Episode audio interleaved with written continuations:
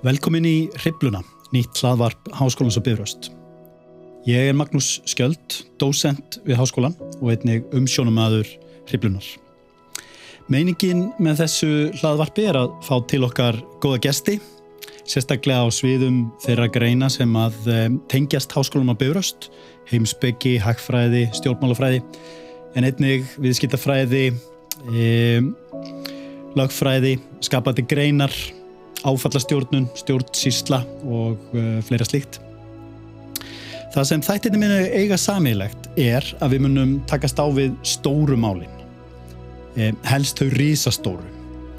Eh, stórar, jafnvel alþjóðlegar áskoranir og beita til þess bestu þekkingu eh, okkar og viðmælenda okkar vonandi. En við ætlum auðvitað að byrja á stærstu frétt undan farinna vikna, innrás rúsa í Úkrænu. En segja má að þetta sé sennilega eitt stærsti viðburður í Evrópu eh, undan farin áratug eða svo, að minnstakosti. Þeir góðu gestir sem að koma til okkar í þessum fyrsta þætti eru Birna Þórarensdóttir, frangvöldastjóri UNICEF á, á Íslandi, Valur Gunnarsson, sakfræðingur og rítöfundur og svo okkar eigin Eiríkur Bergmann, professor í stjórnmálafræði. Verið velkominn. Gott að sjá okkur. E, þó að tíðlefni séu þetta ekki gleðilegt, en e, í dag, þetta tekið upp 5. daginn 24. mars, er akkurat mánuður síðan rússar e, hófu innrás í Ukrænu og hófu þar með þetta stríð sem að stendur enn, því að Ukrænumenn hafa ekki enþá gefist upp fyrir að því að maður taldi ofur efli rúsneska hersins sem að verðist í rauninni verið í stökustu vandraðum með Ukrænumennina og, og það verðast vera jafnvel vísbendingar um það að vestrætna leini þjónusta að, að eh, séu bara í ákveðinni sók eftir því sem, að, sem að maður heyrir. Valur, ég uh, man að þú spáðir því hérna áður en þetta hófst allt saman í útarpinu, ég heyrði þér í útarpinu að Ukrænumenn væru sínd veiði en ekki gefin og ég verði að viðkenna að ég trúði nú því mátulega svona þessum tíma átti nú freka vona því að, að rússar tækju kýf bara á 10-3 dögum en hvað er að gerast? Eru rússarnir bara ekki að fara að herrtaka Úkrænu næstunni? Hvað? Það verðist þér ómöld að sjá sko að annar hvort aðilinn getið sigrað mm -hmm. bara á výveilin bara um það, það er umvel engin búin að vinna heldur neina sigra mm -hmm. eða tapa heldur, þannig að þetta er bara búið að vera nokkuð fast nánast frá bara fyrsta öðrum degi og hérna og nefnum bara rússar að beita þeim einu ráðum sem að þeir geta sem eru yfirbyrju stórskotalið og mhm. skjóta á borgir og fyrst og næst Maríupól núna en það er mjög rætt að sjá að vera einhver nýðustad á, á vývöldinum og þá er spurning hvort það altså, ef þetta heldur áfram hvort það sé bara eitthvað svona fyrir heimstriðalda sviðsmynd bara hvort þjóðfélagi eru umvel að brotnar fyrr. Það er ekki, ekki að sjá að ókrænumenn sé að fara að gefast upp og svo að það er blökt að drefi því. Þeir eru heldur ekki þess að íta rúsmi burtu ef að rúsa beita sér af alvegli sem að þau getur verið að gera. Og þá er spurning bara hvort já, annarkort hvort það einastu borgu í Úkræna verið lögð í rúst eða að Rúsland hendur reyðlist á einhvern mhm. hátt. Og það verði annarkort uh, stjórnabilding eða, eða eitthvað sem leiði til þess að þeir, mm -hmm. tjósa að draga sig út Ég mann þú nefndir að, að sko að hérna úkrænski herin væri í allt annari stöðu núna heldur en þegar rússar uh, tóku krímska á sínum tíma Jó og, og að, að þeir hefðu náða að byggja sér mikið upp á, þess, á þessum tíma það, hvernig, hvernig kom það til? Uh, sko, herrfólkina læra alltaf síðasta stríði Já. þannig að því að Ukrænumenn fóru illa út í krimskæði og bara tekin á þess að það fengir öndur reist. Mm -hmm. svíðan brýst þetta stríði í Donbass sem að sem er farið hluti fram og oftur að byrja með fyrsta Já, árið. Og hérna já, komið ljósið að ukrænski hérna var bara alltaf til. Herrfólkina ofna að selja hann allan og, og hérna mikið spilling. Og hann var bara tekin og endurreistur og endur þjálfaður og endur vopnaður af NATO. Mm -hmm. og er líka bara svo mórals svo undirbúin því hann er búin að vera í stríði 8 ár. Og, og var reyðubúin undir svona átök. En, en þetta móti verið stöður sem að rússar hafi ekki gert það. Þá talum að það sé að vera eða peningum í herin síðan er maður að heyra sögur af einhverjum herfóringasnekkjum í Svartahafi. Þannig að mm. það verið jafnveg sem að rússa sér í sögur stöðu og úkrænumenn voru fyrir 8 árum síðan. Að hérna hérin er ekki, er ekki því ástand sem hann á að vera í að því að peningarnir hurfu eitthvað annað mögulega. Einmitt, einmitt, ég skil, akkurat. Birna, þú ert nú átakafræðingur það meint, ekki satt? Hva, hvernig, hva, hvers konar stríð er þetta? Sem þannig er að spilast? Já, það er nú bara svona sorglegt svar við því sem tekist núverandi starfi að vinna fyrir UNICEF það er eins og þessi byrja svona eitthvað skonar war of attrition hjá, hjá rúsunum mm -hmm. það er því miður eh, verið að beita vopnavaldi að því er virðist uh, ó, bara óheflað á uh, almennaborgara á mikilvæga innviði, innviði lífsnauðsynlega innviði það er búið að, að gera árásir á yfir 500 skóla Mm. Það hafa verið yfir 50 árásir gerðar ímist á, á sjúkrahús eða sjúkrabíla. Um, Vassveitukerfi eru í ólægi, það eru um 6 miljónir úkrænumanna sem búa við uh, ótryggt aðgengi að hreinu drikjavatni og þar að vera 1,5 miljón tæplega sem hefur engan aðgang að hreinu drikjavatni. No. Þannig að það er verið að, að ráðast á og beinlinis eiðilegja nöðsynlega innviði og, og og uh, almenna borgara. Þetta eru skýr brota á genfar sáttmálum, ekki satt? Jú. Jú. Og þar að leiðandi bara strísleipir, námast, eða Já, það, alfarið. Það, það er verið að, að uh, ráðast uh, á almenna borgara mm -hmm. og, og líf þeirra er í, í mikill hættu og vinnandi fyrir barnahjálpina þá eru þetta sérstakar áhyggjur af uh, þeim aðstæðum sem börn í Úkrænur sett í Ópenbæra tölur eru að 78 börn hafi dáið og 105 særst en það er talið nokkuð ljóst að, að tölurnar, raunverulega tölur séu tölvert mikið herri Já. því miður um, og kannski svona mest sláandi tölurnar er að annað hvert barn rúmlega í Ukrænu er að flóta í dag. Meira en annað hvert barn. Það eru 4,3 miljónir barna sem hafa uh, farið frá heimili sínu til að flýja átök af 7,5 miljón barna sem búa í Ukraína. Anna hvert barna flóta? Já. Þetta er rosalett Já. að. Þetta, og þessi flótamanna fjöldi sem er núna á hreyfingu, þetta eru rétt hæpar fjóra miljónir sem eru komnur út fyrir landamærin og orðin þá svona formlegi flótamenn í, í öðrum ríkjum og sá fjöldi sem að er á flóta innan Úkrænu er fjörðu hver Úkrænumæður, 10 miljónir íbúa. Þannig að þetta er bara stærsta flóttamanna og mannuða krísa í Evrópu já, frá setni heimstyrjöld. Algjörlega. Erikur, þú ert uh, búin að vera að skoða svona svona aðila eins og eru náttúrulega þannig fórsvari eins og, og Vladimir Putin og svona populista og, og, og slíka slíka menn. Hvað, hvað er eiginlega í gangi hérna? hvað? hvað er í gangi? Já.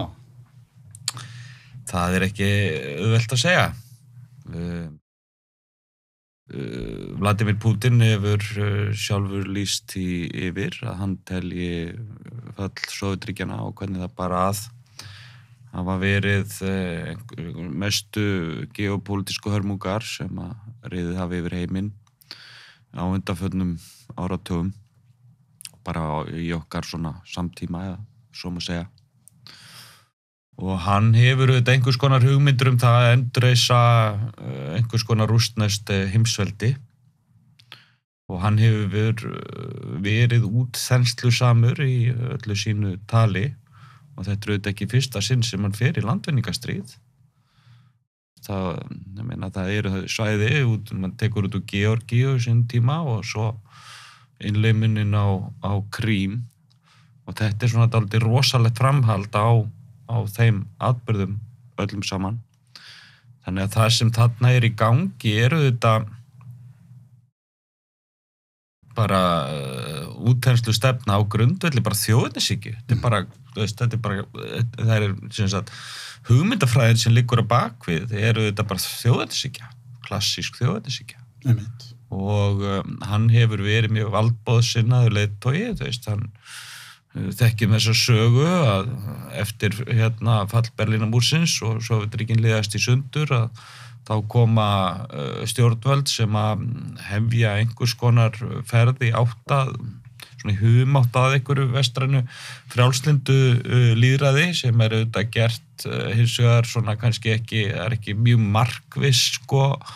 Um, að, að, svona, þetta er ekki mjög markvis för en þeir svona skaklappast í þessa, þessa átt. Fyrst og fremst í kapitalista Já, í rauninni og það er náttúrulega, þú veist, það er uh, farið í það þessa sjokkþerapíu sem að svo var kölluð sko, þar sem átt að taka einhvern veginn, þú veist, uh, stökk frá Sovjetríkjónum að einhvers konar svíþjóð í, hérna, í einu, einu lægi en fara síðan alla leið yfir í einhvern úlva kapitalisma sko. Mm og þetta leiðir algjörur hörmungar yfir uh, þjóðina og sko Rúsland á tíund áratögnum var ekki sérstaklega svona farsæl staður að búa á það var ekki mikil velsælt sem að fyldi þessari breytingu þannig að, að svona fyrirheitið um einhvers konar vestrænt eh, frjálslind fyrirmyndaríki það, það, það uppfyllist ekki þetta fyrir mm. heldur steipist bara beint á höfuðið Einmitt. og um, við þær aðstæður tekur Vladimir Putin við þegar Jeltsin stjórnin er bara komin algjörlega að fótum fram og hann sjálfur bókstaflega að fótum fram orðinni sem sagt dagar bara uppi sem algjör hrigðar mynd af, af leðtoa og þá kemur uh, Putin nefndi ekki einu svona þakkanum fyrir stöðningin þegar hann vann fórstakostningarnar Nei, einmitt. Samt hafði sko á Putin allt sitt ég held sína þakka uh, síðan er þessi sveigur hann tekur daldi langan tíma að uh, fyrir Putin að svona sveia alfarið af þessari braut sem, sko, sem að hafði verið mörguð á eldsín tímanum, hann tekur alveg tíu ári í það mm -hmm. uh, síðan er það kannski svona senstu tíu ári, já, frá 2012 má segja að þá hafi Rústland verið á einhvers konar svona för, þessar mm. útstýrslu sinnuðu för og, og sagt, hugmyndinum erind í Rústlands og rauninni bara tilgang og hlutverk er svona mm. upphafin í einhverju svona Eh, svona diviníska hugmynd sko. Um hérna um rúsneska sál og rúsnesk erindi og svo, og svo framvegis. Um, ég held hins vegar að það sé ekki hægt að færa fram einhvers konar rassjónal skýringar á þessari innrást þrátt fyrir þetta, þrátt fyrir að það sé hægt að teikna upp einhverja svona mynd þá held ég að það sé ekki rétt mat sem einhverjir hafa verið að færa fram hérna í umræðunni að út frá einhvers konar uh, sko realískum kenningum í alþjóðstjórnmálum að þá sé þessi uh, innrás uh, rúsa í Ukrænu einhvers konar rassjónal viðbrað við til dæmi stækkun NATO til austurs og svo mhm. framvegis sem hafi verið hægt að sjá fyrir eða jafnvel reikna út. Þetta er ekki þess að þar þannig að innrásin sem slík er eh, ekki, ekki skinsamleg Meni, reyndar er íslenska hugtæki skinsemið, það næri ekki alveg utanum sko önska hugtæki rassjónal en þannig að þú hugsaður þetta á, sem svona eitthvað svona röggrétt svar, þá held ég að svo sé ekki. Meni, og þannig að, að þarna eru þetta einhver þetta er afleikur klár afleikur og hérna ég held til þess að sko þegar við erum að tala um stöðu sko styrjaldarinnar að þá ættu við að gæta okkur á því að sko eh, þegar við erum að meta það að við höfum kannski ekki réttar upplýsingar. Já, já. ég er hættur um að fréttina sem, sem við fáum sé ekki endilega að gefa alveg rétt að mynda stöðunni í styrjaldinni ég óttast að rúsum rauninni eh, gangi betur heldur en að frétt, sumar fréttir af herrferðin gefið til kynna. Æ. þeir virðast að beita gamaltektum aðferðum sem er bara veikja mótstuð anstæðingsins Æ. með ræðilegum aðferðum Einmitt. og taka sér langan tíma í aðferði sem þeir hafa beint um, umkringja borgir. Uh, veist, búa bara til algjörðan hrylling inn í þessum borgum. Já fólk bara, þú veist, það sveltur þú veist, það fær ekki aðföng og, og það grýpur um sig algjörur hörmungar og reyðilegja bara þessa staði mm -hmm.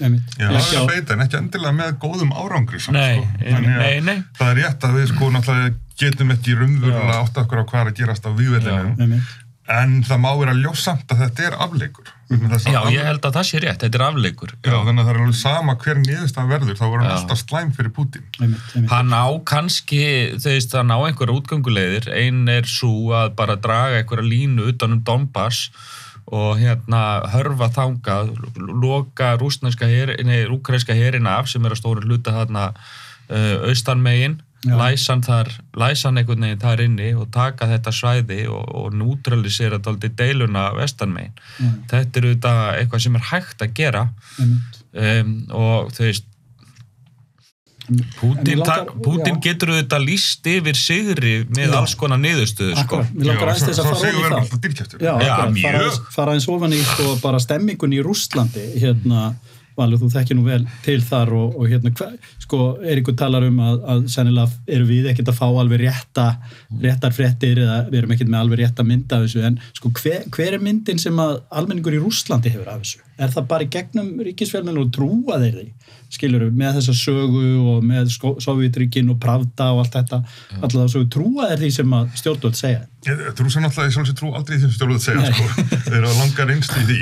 En, en samt geta þeir staðið með, sko, yfirvöldum þeir hafa ekki mikið að trúa á eins og þeir Já. gera oft í sögunni, sko. Já, já. Og hérna, einhverja skoðanir kannir sín horfum að sé þriðið sem er á móti, ég tala við rússar og halda áfæstlend og það kemur óvart samt, þeir sem tala á útlendinga eru kannski ekki gott mengi, sko. Nei, en eigi að síður, þá rekst maður mjög reglulega á bara við eruðum að gera þetta, við eruðum að stöða nazistana og, og svona, þannig að mér er svona haldáðstundu, svona raknir sína að það er alveg stert og sko yfir 150-200.000 drúsar hafa flúið land Akkurat. eftir þetta byrjaði Já. og þetta er náttúrulega rosalega breyndarinn, þetta er unga og klára fólki sko og, og það er náttúrulega þeir sem að já, vil ekki setja undir að þeir fara það er, það, það er það, sko, það er ekkit annað yfirvall að beila til, ólíkt því sem við gerst í Ukraina það er engin domstólar eða þingið en eitt, þannig að það að steipa Pútín er óbúslega erfitt fyrir almenning, það þarf eiginlega bara bókstaflega að, að gera það.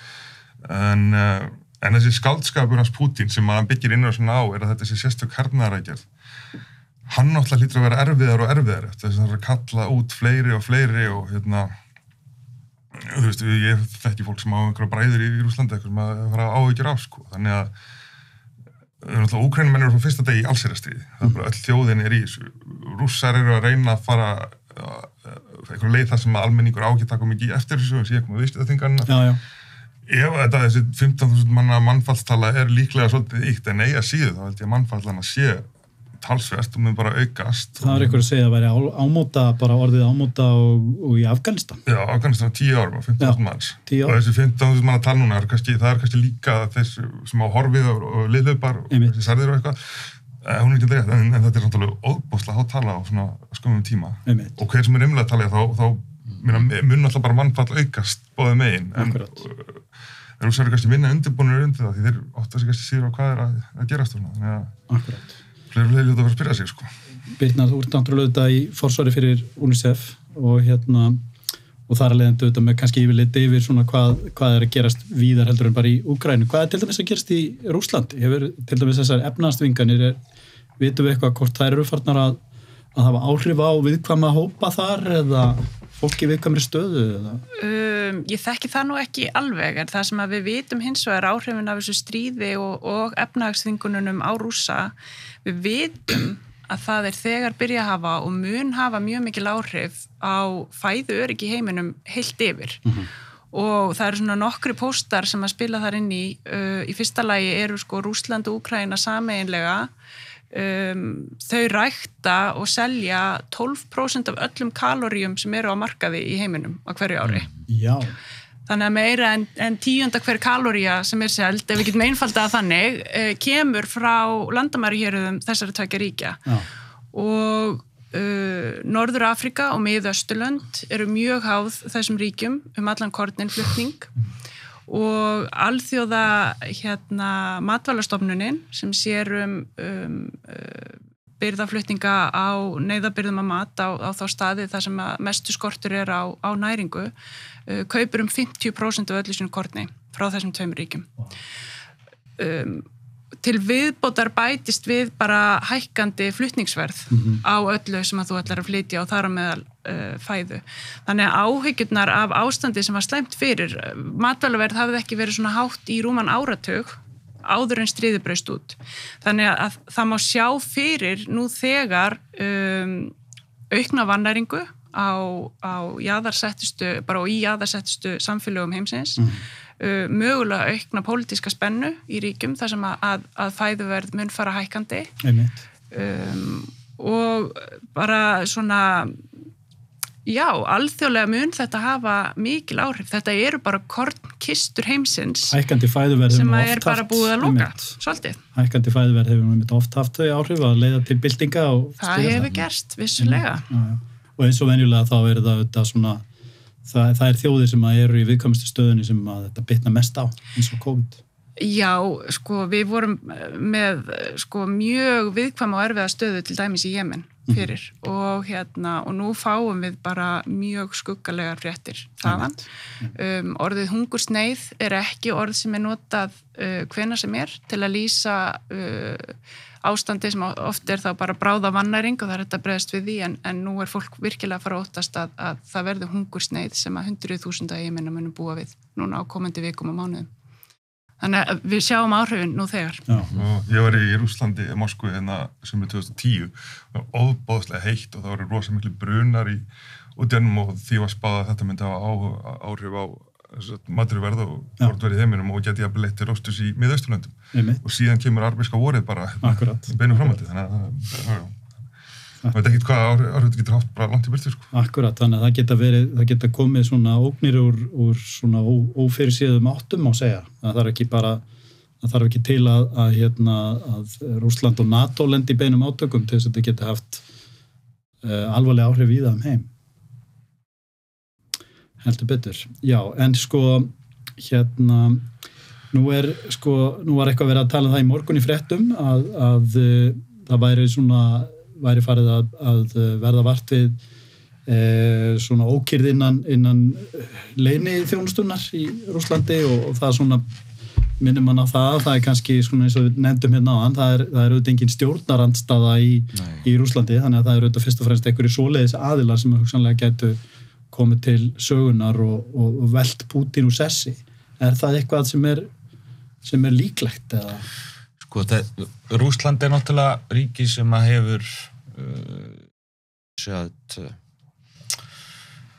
sem er ekki lengur hlýræsríki sko, þú veist það verið hérna þá að séu haldna kostningar og, og hérna og það eru gefin út einhver blöð og svo framvegis að þá er þetta ríki sem hefur færst mér hratt frá öllum svona eðlilegum skilgreiningum á, á líðræði og er rauninni bara orðið um, einræðisríki og þessi flokkur Putin samin að Rúslandi eru þetta bara hans sko enga eign, mm. svo maður segja þannig að það er ekki lengur neitt kerfi svona eitthvað hefðbundið uh, ríkiskerfi utanum stjórnina í Kreml og til dæmis ef að við myndum vilja bera uh, stjórnuna í Rúsland í dag saman við sko bara Sovjetríkinu sínum tíma að þá er sko alltaf apparat sem að var byggt upp í Sovjetkerfinu, það er ekki heldur staðar, mm. þú veist það er ekkit politbjúró lengur, þú veist það er hérna jújú jú, það er þing og hérna dúman er störfum og allt þetta en það er samt sem áður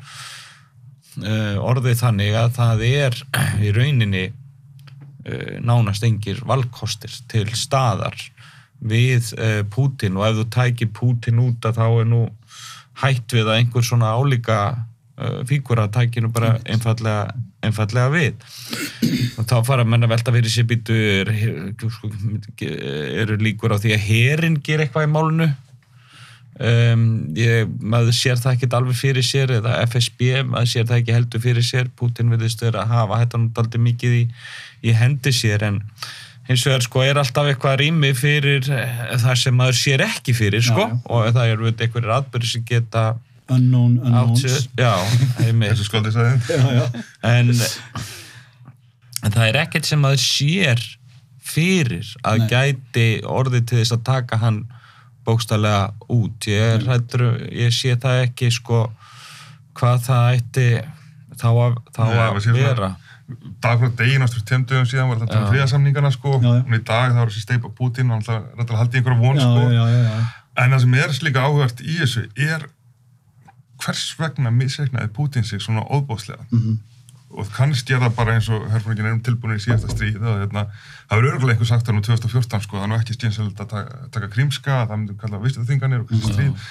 Og hann hefur ekki hlusta á það og síðan hafði hann rétt fyrir sér í einhverju merkingu já, já, já. og hann var gríðarlega vinsall í Rúslandi eftir að tekja krímska og kostaði lítið en, og, og það er náttúrulega líka að þetta steg magnast og menn, mennum færist meira og meira í fang.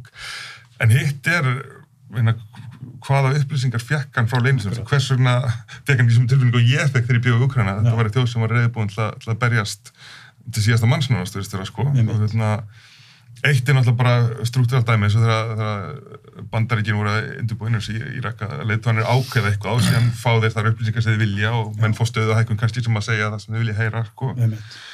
um, En já, annað mögulega er, það er nú búið að vera einhverja mannabreitingar nú bara upp á síkastið, sko. Mm -hmm. Túsund mannsregna. Kannski er hann fúllið til einu þjónustuna, kannski einu þjónustu fúllið til hann. Mm -hmm. En hann líka, sko, hann þrýfst á átökunum, hann þarf á átökunum að halda því að, sko, þróun, innanlands þróun Ísland, í Rúslandi hefur ekki verið hérna, það hefur ekki verið mikið velsald í landinu. Nei, nei, landið, þau veist, þetta er, hérna var 150 miljón manna þjóður sem er orðið sko 140 miljón manna þjóður þessi að fólksvækun í Rúslandi en ekki fólksfjölgun eins og viðast annar staðar. Eh, þeir eru að horfa fram á svona samanbyrða þjóðir taka eh, fram úr sér í efnaðarslegu tilliti og svona ástand kallar auðvitað á gaggrina svona umræðu heima fyrir í Rúslandi á stjórnvöld. Þannig að, að hvernig bregðast uh, hérna uh, einræðisherrar við uh, ólgu innanlands, það er yfirleitt með því að, að sko efna til átækka við utanaðkomandi óvinni. Já, og fyrir ekki alltaf vel samt. Nei, fyrir ekki alltaf vel, en þannig að veist, hann svona það er partur af held í málinu sko að það hendar honum ágætlega til þess að svona í bara svona klassísku einhverju diversion tactics mm -hmm. að vera í átökum við uh, einhvers konar utanakomandi afl. Held þess að hann hafi einhver leiti sko misreiknað viðbröðin. Já.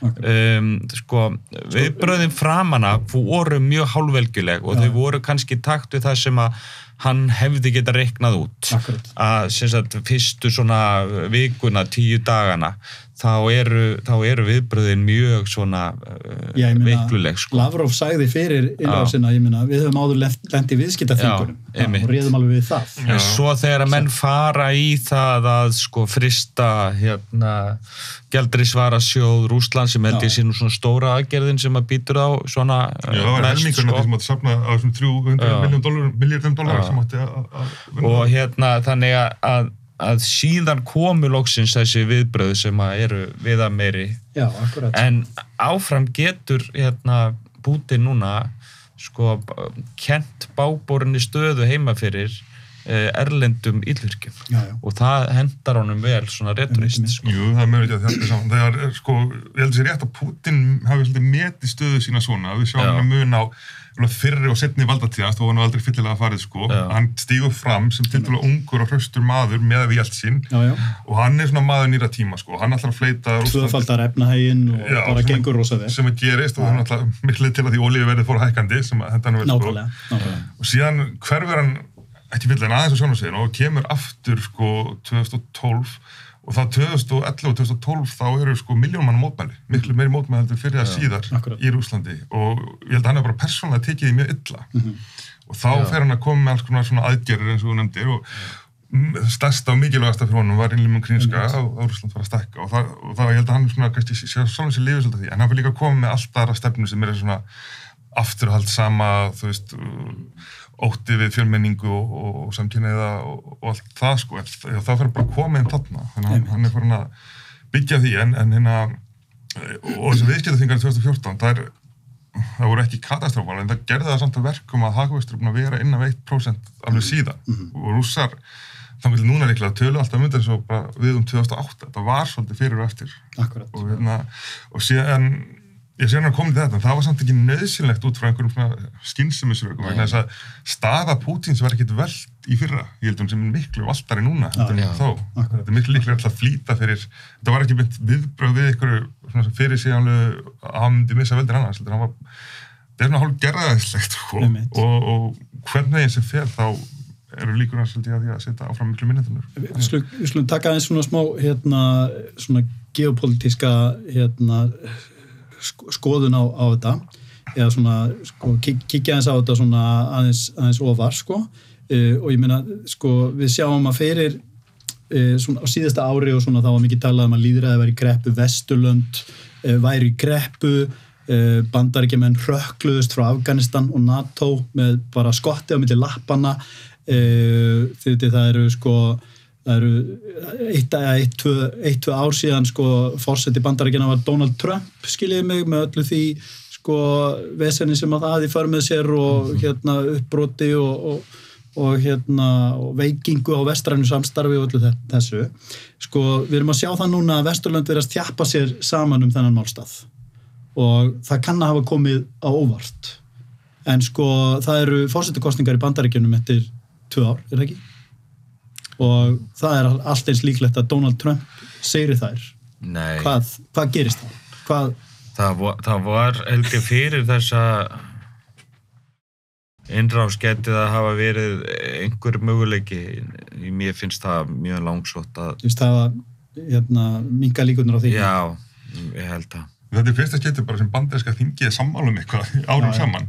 Mögulega hefur þetta þjapa banderski þjóða einhverju leiti saman því hún vistist það að klopna í sundur sko. Geopolítiska áhrif geta auðvitað verið margskonar. Það er augljóst held ég á þessu, þessum hræringum sem nú eru uppi að það er eitt rík í veröldunni sem er í mjög góðu færi fyrir að græða verulega á þessu hvað var þar svona heimspolítiska stöð og það er Kína Eh, Kína er líklega eina ríkið sem að getur eitthvað tjónkað við rúsa eh, það má segja sko með innrásinni í Ukrænu að þá hafi hérna þá hafi sko Putin hérna eh, sko sett ólum hálsin á sér og rétt sko Peking taumin já, já. því að þegar að Vesturlund loka svona gagvart Rúslandi eða Rúsland loka svona þá þá er rauninni leið þeirra til viðskipta í gegnum uh, Kína. Og þannig að Kín verður hafa eh, hinga til uh, svona uh, umborið þessa fremgöngu rúsa og hafa ekki beitt á neinum sérstökum þvingunum.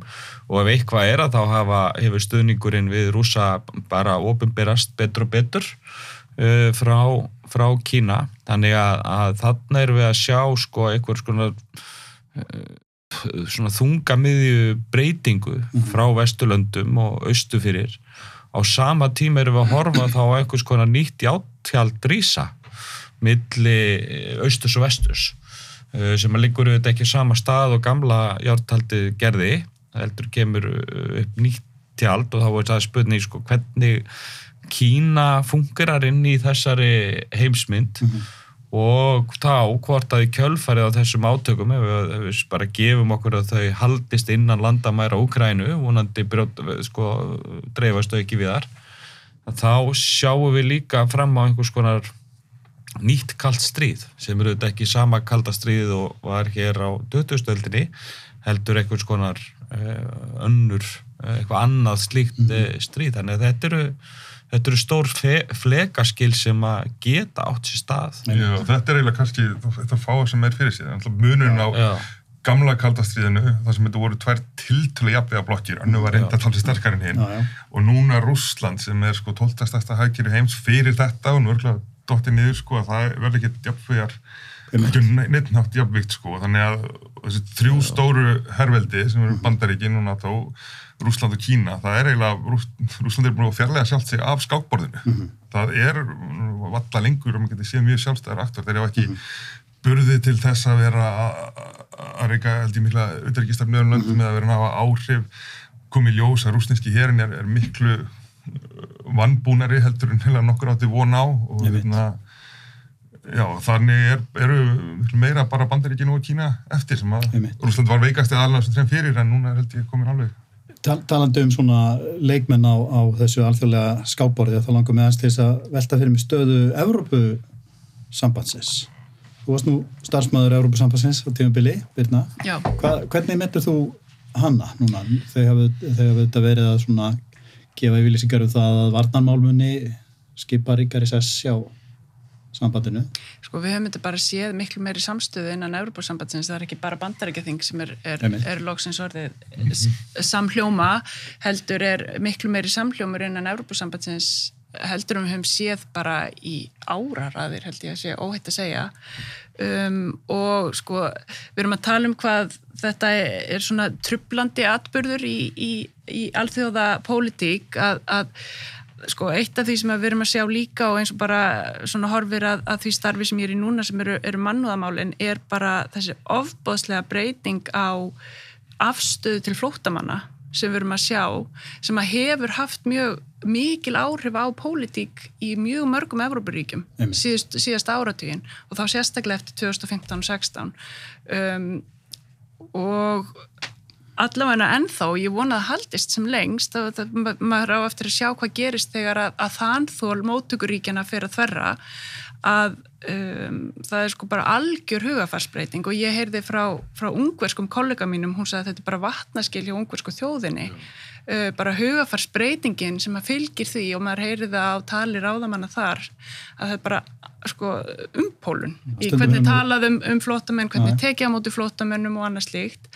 og við verðum þá að vona að uh, eitt af því sem komi í, í framhaldi af, af þessu, ef við ætlum að reyna, reyna að vera bjart sín þrátt fyrir allt, er að sko bæði að móttökukerfi flótamanna muni batna að við þarf almennings bæði í sínu engalífi og í, í stjórnmála hegðun þeirra muni vera opnara og jákvæðara gagvart flótamennum vegna þess að, að þetta stríð er, er að sko, stór auka flótamanna fjölda í Evrópu uh, bara á fordæmalösum skala en við vitum það að uh, fjöldi flótamanna mun síst fara fækandi í heiminum.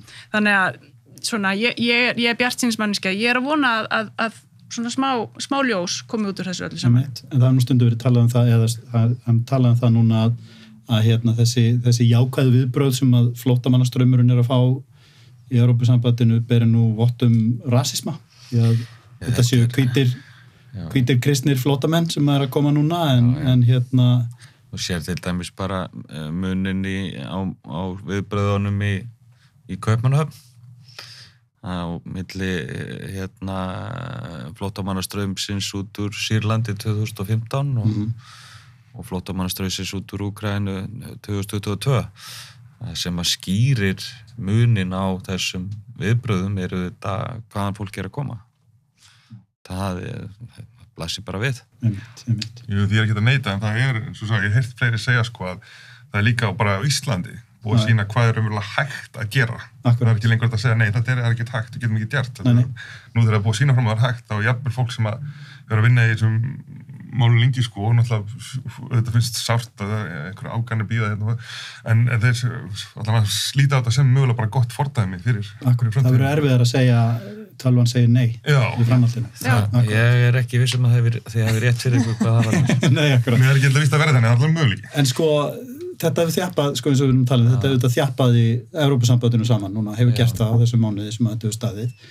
Hérna og við, það, við vorum þar auðvitað með svona ákveðna aðila sem að hafðu auðvitað verið til vandraða undarfærin ár eins og svo Orban í Ungverjalandi og stjórnvöldu Pólandi og svo framvegis. Hvaða áhrif hefur þetta á, á þau lönd, á þeirra stöðu? Sko við erum náttúrulega ennþá uh, í einhverju sem við getum kallað sko skamtíma uh, áhrif. Uh, við vitum ekkert hvaða áhrif þetta hefur til lengri tíma. Þetta, þetta er eins og það er rétt að sko, og til dæmis skoða bara framrás nýþjóðutinsíkjunar, þessar populísku þjóðutinsíkju sem við höfum séð hérna á undanfjöldnum árum að þá hefur þessi þróun gengið langt lengst í Rúslandi þar sem þú ert í rauninni komið með bara þjóðvætis populísk stjórnvöld um, en svo hafa önnur ríki verið svona í hum átt á eftir í samsvarandi átt og það eru þeist innan Európis sambansins uh, tvö lönd sem hafa gengið lengst og það er sem sagt Ungverjaland og, og Póland sem að voru og sko Orbán og, og Putin voru miklu mátar og þetta voru svona uh, st- stjórnmálamenn af svipaðri tegund sem færðu fram svona svipaðar hugmyndir þráttur að miklu lengra hafi verið gengið í Rúslandi heldur en í hinnu ríkjanum og eins og Birna var að segja hér áðan hafa orðið algjör skil þarna á milli.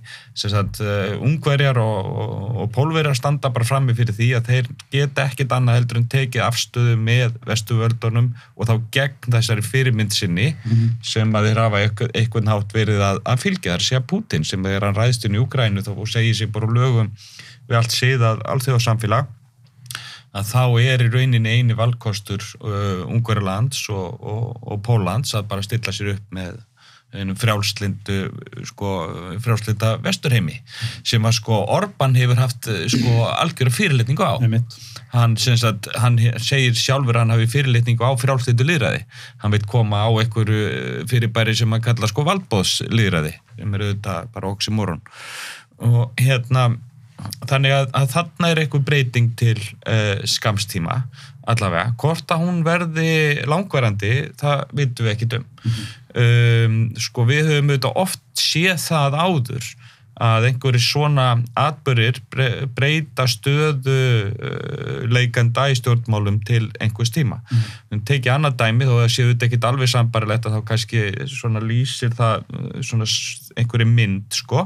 Svo til dæmis þegar að Þegar Annes Bering Breivik fremur sér træðilega hriðjuverk eh, heima fyrir í, í, í Nóri 2011 eh, þá reynur fylgið við framfaraflokkin í Nóri í sveitastjórnarkostningunum þar á eftir. Mm. Vegna þess að, að Breivik hafði, verið, hafði tilheyrt sko framfaraflokknu og var svona spyrtur við hann hvort sem að það var nú sangjant eða ósangjant að, að spyrna hann við framfaraflokkin mm -hmm. að þá er allavega einhvers konar bandstriki uh, þar á milli og fólk hefur einhverja tilfinningu fyrir því að þetta sé svipað fyrirbæri og við sjáum sem sagt að þjóðurnispopulistar í Nóri þeir bara algjörlega rinja í fylgi tveimur ára setna í þingkostningum er stuðningur og þessu sami hann hafi verið fyrir atbyrðin þannig að segja bara sama í hrununni hér einhverju já, já, já, þannig að sko þau skamtíma áhrif segja okkur ekkit endilega svo mikið uh, fyrir um hvað síðar uh, verður. Ég hef spurningu bara til að spyrja þig hérna, því að sko, þjóðninspopulismi í vestur-Európu hann er gætna andstæður Európa-sambandinu já En í Östur-Európu ekki jafn mikið vegna þess að þessar þjóðir eru að hrætta við rússa gætnan og hafa veginn bara allt aðra hagsmuna því að vera í Európu og það er náttúrulega hafandi verið áður hælnum á Sovjetregjónum sko þannig að, að þjóðspoplismin er svolítið annars eðli starf varðandi Európu þó, þó þessi kannski ósumuna einhvern gildum. Sko. Jú, það er að segja sko þetta er kannski þetta er svona kannski svipuð afstæða gegn svona þessari Eh, frjálslindu, alþjóðasinnuðu svona för Európa-sambassins, að anstaða begja er gegn því en á mismöndi forsendum. Um, rauninni sko í Austur-Európa þá, þá var náttúrulega ingangan inn í Európa-sambandið uh, mjög mikilvæg yfirlýsingum svona einhverja framtíðar þróun þessar ríkja, einhver framtíðar heimkinni uh, þessar ríkja en þeir hafa alveg sömu sko anduðina á Uh, mörgum sko, þáttum í starfi Európa-sambassins og vilja gæta breyta því og vilja gæta að það sé einhvern veginn allt öðru í sig heldur en það er. Meðan að, að og í Austur-Európu hefur þróast miklu svona valdbóð sinnaðri útgáfa af þjóðinspópálum mannum heldur en vestanmegin.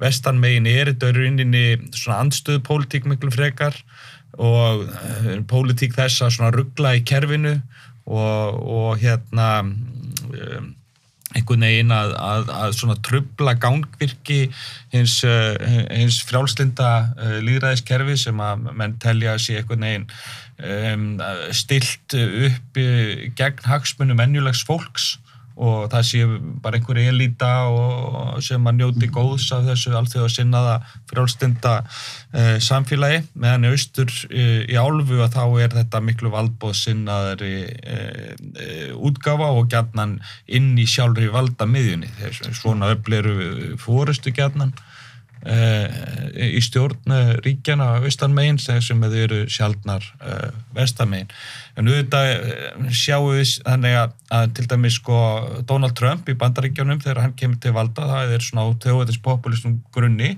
svona, sem er meira svona eins og sko fyrirbæri sem að reku bara teini í, í, í tannhjólið sko, að vera svona ruggla kerfið þannig að þegar þú berð hans saman við til dæmis uh, Vladimir Putin þá getur maður sagt já þessi menni er nú kannski ekki brjálaðislega mikið sammeigilegt en það er svo, þó einhver svona populískur samnefnari þó að hann sé á, á mjög ólíkan hátt. Til dæmis hvað sem segjum á Trump að þá reyndi hann aldrei að sapna sko völdum í einn hendur. Hann var ekkert að reyna að auka áhrif og völd fósettembatsist það var rauninni hann var hann hann að djöblast í öllu en hann var rauninni ekki að reyna að ná einhverju svona stjórn á samfélaginu. Hann var, jú, jú, hann var að ruggla í umræðinni og, og berja niður og brjóta niður alls konar svona innviði. Nú kveitið til valdaráns Já, kveitið til valdaráns og, og alls konar þess að en þetta var ekki sagt, þessi, eh, þessi sko valdbóðs um, afstæða þar sem að þú bara með markvísum aðgerðum sko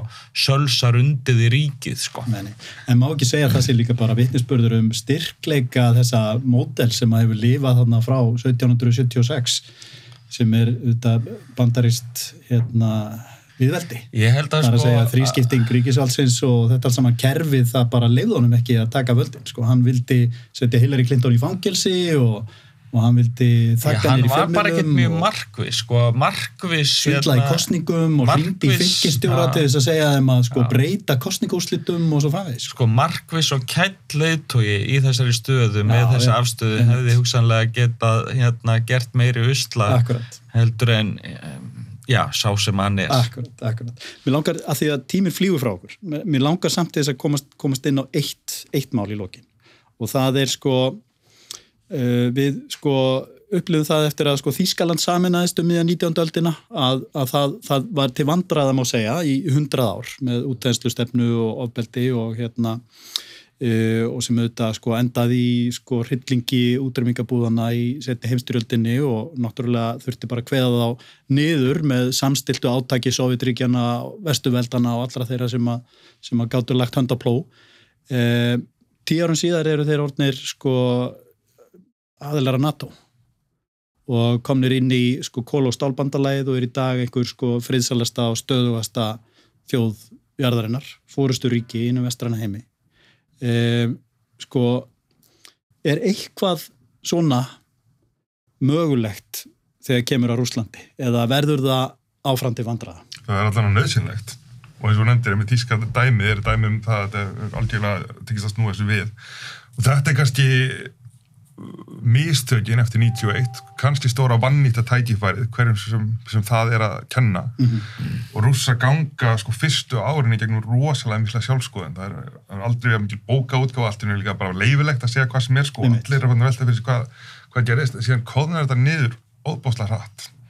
Og þú veist það má jafnvel segja þetta neikværa að líðræði í Rúslandi hafa ennst í eitt og allt ár þannig að ég held að skjóta þingi Já og síðan eru hérna kostninga 96 þar sem að Jeltsin er komið 2% fylgi. Og sjúkan og kommunistan eru langlíklegast til þess að vinna. Þá er allt þetta í stað, Jeltsin engavæðir hérna, stórfyrirtæki gefið þau ólíkörkum, fær þannig stöðning þeirra sem er að fjölmiða, bandaríkinn kom með lán og náttúrulega vil ekki sjá kommunista taka yfir Úsland aftur sko. þetta eru kannski heila einu frálsum kostningarnir sem, sem Jeltsin tekst með bræðum að vinna og er síðan veikur allan, allan setna kjörtífumbilið og síðan tekur Putin við segir það í heiðalegi kostningum 2000 en hann er bara artæki og síðan er hann bara áfram sko. Þannig að bæðið mistekst að búa til líðræði í Rúslandi á, á þessum tíma. En það mistekst líka að gera þá einhvern meira hátt part af alltjóða samfélaginu því ganga inn í ÖSE og fá sæti í G8 en það má vera líka að spyrja sig sko en Jeltsin tekur þessi stækku NATO illa.